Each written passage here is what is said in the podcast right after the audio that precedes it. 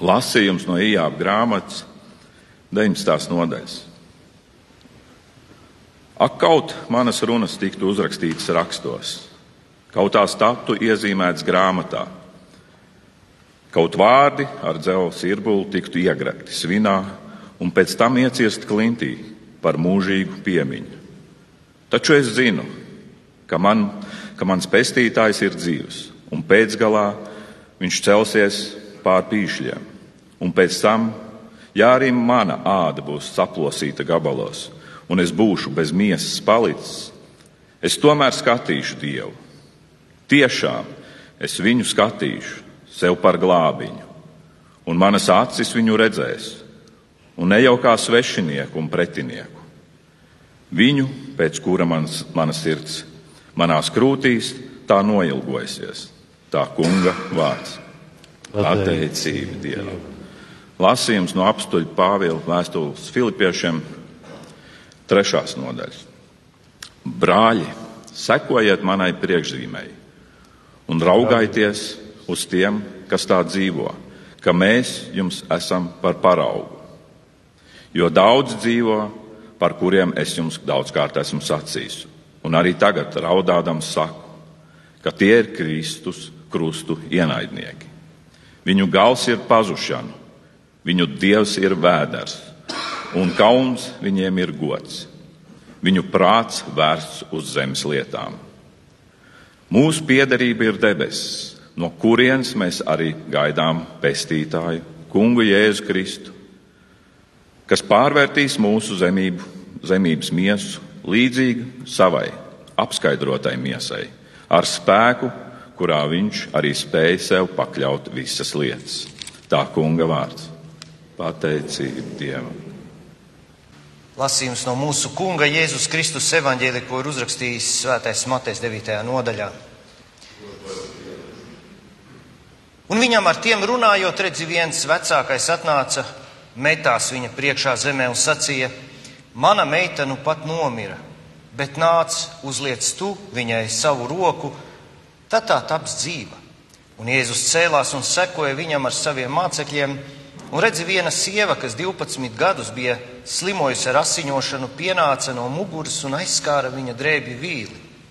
Jo tā sacīja pati pie sevis, kaut tik vien viņa drēbes varētu aizskart, tad es taptu vesela. Tad Jēzus pagriezies un to ieraudzījis, sacīja: Ņemies drošu sirdi, meita, tava ticība tev palīdzējusi. Un sieva tapa vesela tajā pašā stundā. Kad Jēzus ienāca vecākā namā un redzēja stabulniekus un uztrauktus ļaudis, viņš tiem uzsauca: Atkāpieties, jo meitene nav mirusi, bet guļ, un tie viņu izsmēja. Bet, kad ļaužu pulku izzina ārā, viņš iegāja iekšā un satvēra to pie rokas, tad meitene piecēlās, un šī slava izpaudās pa visu zemi. Kristus evaņģēlīs. Pateicamies Tev, Kungs, par Tavu dzīvu darošo vārdu. Mēs lūdzam, nāc ar savu svēto garu, piepildi mūsu sirdis, liec, lai šis vārds tur paliek, aug un nes bagātīgus augļus. Svētī Tavu vārdu Tavā patiesībā, jo Tavi vārdi ir patiesība. Āmen!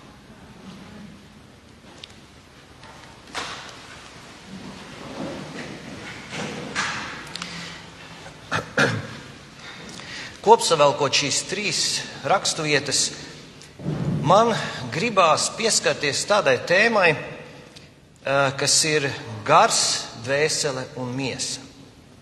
Tas ir, tas ir tāds, ja sadalīt cilvēku trijās daļās, tādās atšķirīgās, mēs sastāvam no gara, dvēseles un miesas.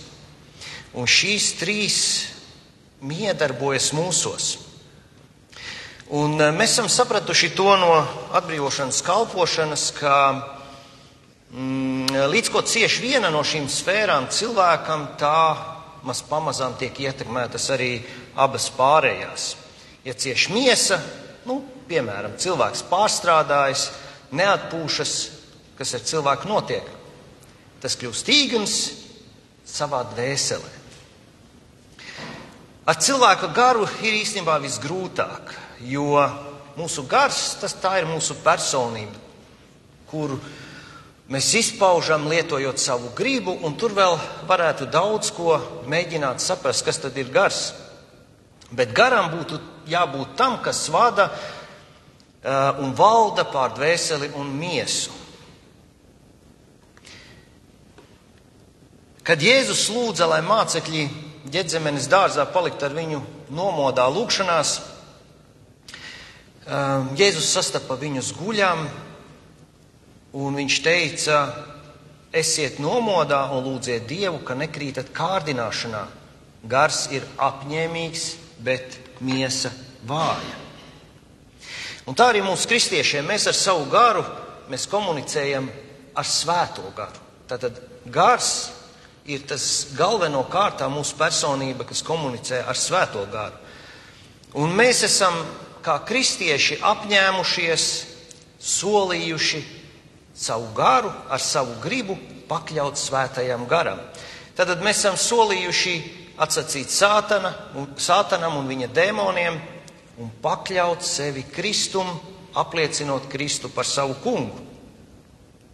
Ja tas tā nav, ja cilvēks šāda apņemšanās sevi neredz, tad diez vai šādu cilvēku var saukt par kristieti. Ja šis cilvēks savu gribu ir pakļāvis kaut kam citam vairāk nekā Kristum, Šāds stāvoklis saucās, ka cilvēks ir elgdievības stāvoklī. Arī pakļaujot savu gribu Kristum, un tādi mēs kristieši esam, mūsu miesa ir vāja. Viņa ir vāja, un tā ir vāja paklausīt Jēzum. Bet toties tā ir stipra, pretoties svētajam garam. Tāda nu tā miesa ir jo caur miesu visvairāk uz mums, uz miesu, uz dvēseli visvairāk iedarbojas demoniskie spēki. Un tie arī spēj kaut kādā mērā ietekmēt kristieša garu, ja, piemēram, kristietis ir bijis eh, kādos okultos rituālos. Tas ļoti tiešā veidā skar uh, cilvēka garu. Un tomēr, un tomēr, kaut arī tas tā ir, tas tik un tā pieder Kristum ka šie ļaunie spēki nespēj šo kristieti pazudināt. Kā tas izskatās dabā? Mūsu miesa un dvēsele ļoti uh, daudz piespiež mūsu garu pakļauties tām.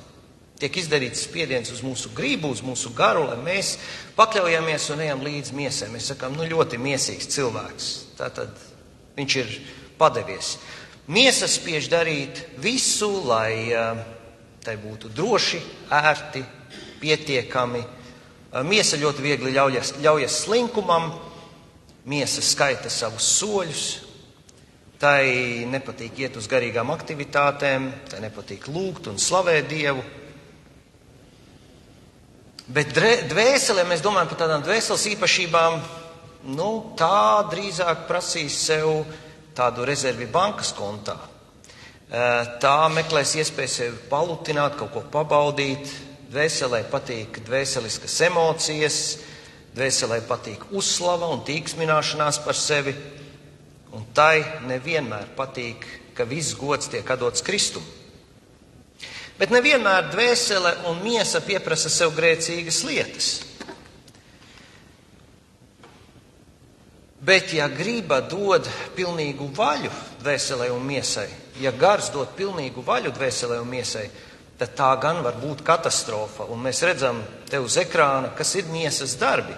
Miesas darbi ir skaidri redzami. Tie ir netiklība, nešķīstība, izlaidība, kalpošana elkiem, pūšļošana, ienaids, ķildes, greizsirdība, dusmas, patmīlība, nesaticība, šķeltniecība, skaudība, dzeršana, dzīrošana un tam līdzīgas lietas.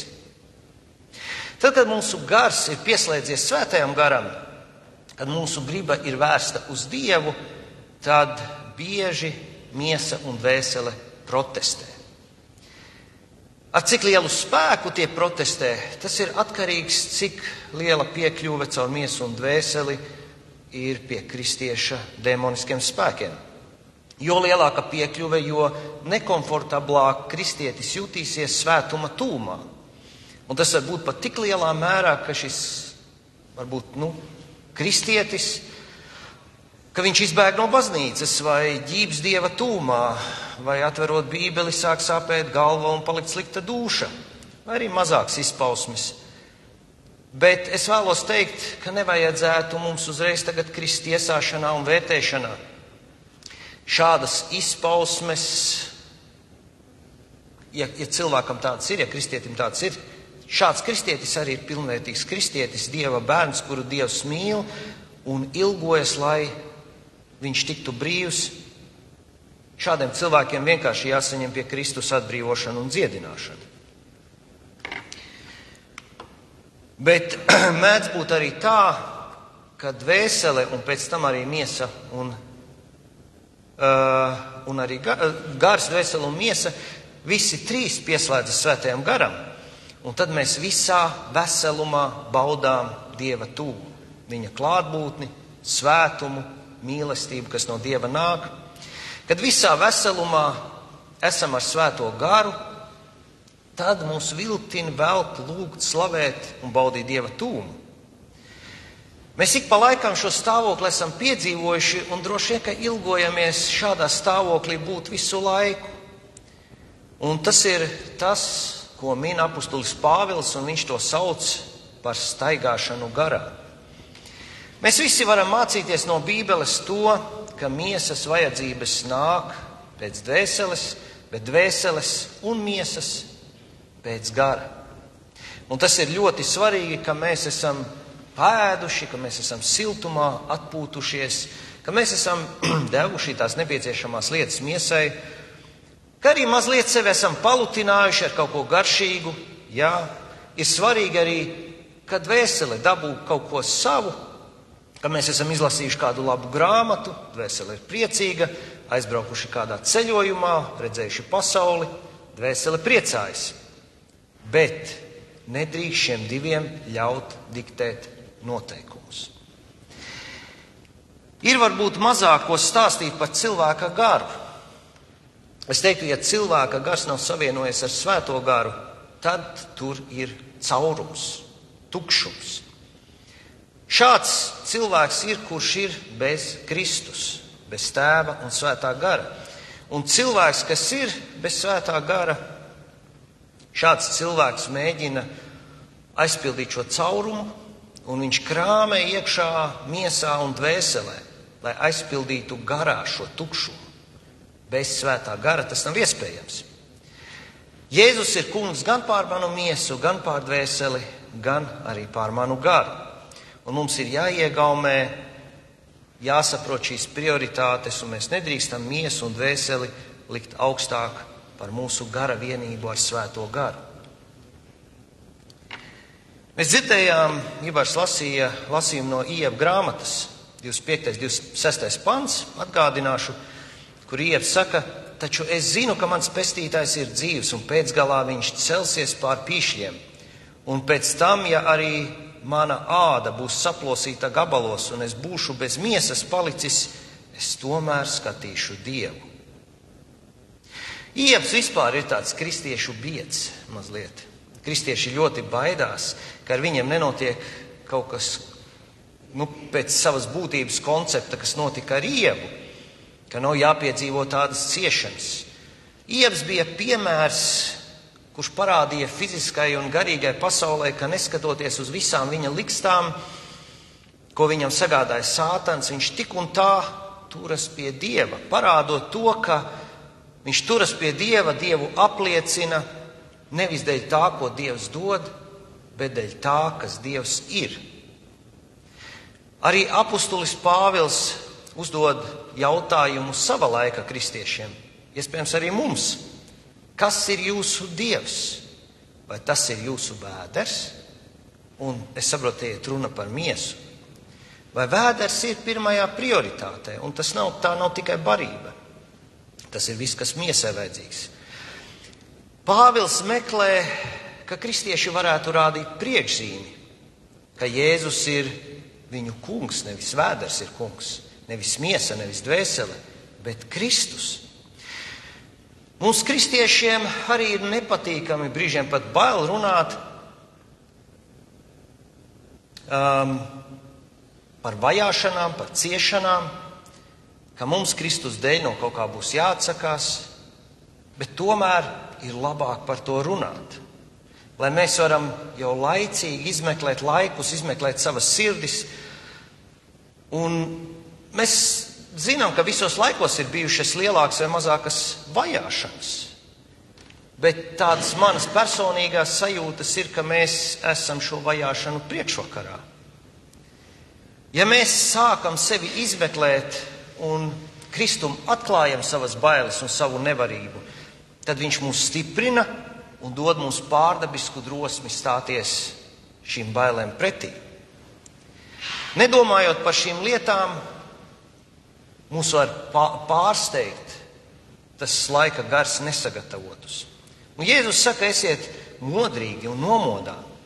Mums ir jāmācās būt atkarīgiem no Kristus, kā saņemam visu, kas vien mums vajag tieši no Viņa. Es nezinu, kādiem pārbaudījumiem varbūt mums katram nāksies savā dzīvē iet cauri. Es nezinu, kādas izšķiršanās mums būs jāizdara. Kristus vai reputācija, Kristus vai iztika, Kristus dēļ Mūs var iztumt no sabiedrības, apsūdzēt, likt cietumos. Par to visu Kristus runā un brīdina. Un visbriesmīgākais varbūt mums šķiet Kristus vai dzīvība. Varbūt vēl ir trakākas lietas. Šīs visas ir smagas lietas, bet mums ir jāatceras, ka Kristus ir dzīvības kungs. Un par to arī Ievs šeit runā. Viņš pieceļ mirušos. Un mēs redzam, kādu ticību cilvēkiem Dievs dod.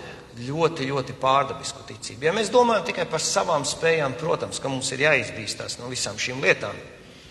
Mēs redzam evanģēlijā, kā šis vecais gāja pie Kristus tad, kad viņa meitiņa jau bija nomirusi un lūdza viņu nākt, lai viņš uzliek rokas un viņu, pieceļ viņu no miroņiem.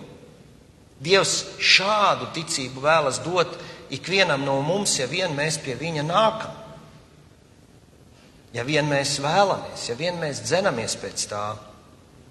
Šī sieva, kas ar asiņošanu lauzās cauri lielajam cilvēku pūlim, lai vien Jēzus vīli aizskartu. Lai cik varbūt liels ļaunums mums riņķī nerādītos, un skatoties varbūt ziņas un to, kas pasaulē notiek, lai cik acīm redzami šķiet, ka šis ļaunums uzvar visās frontēs, Kristus uzvara jau ir noteikta.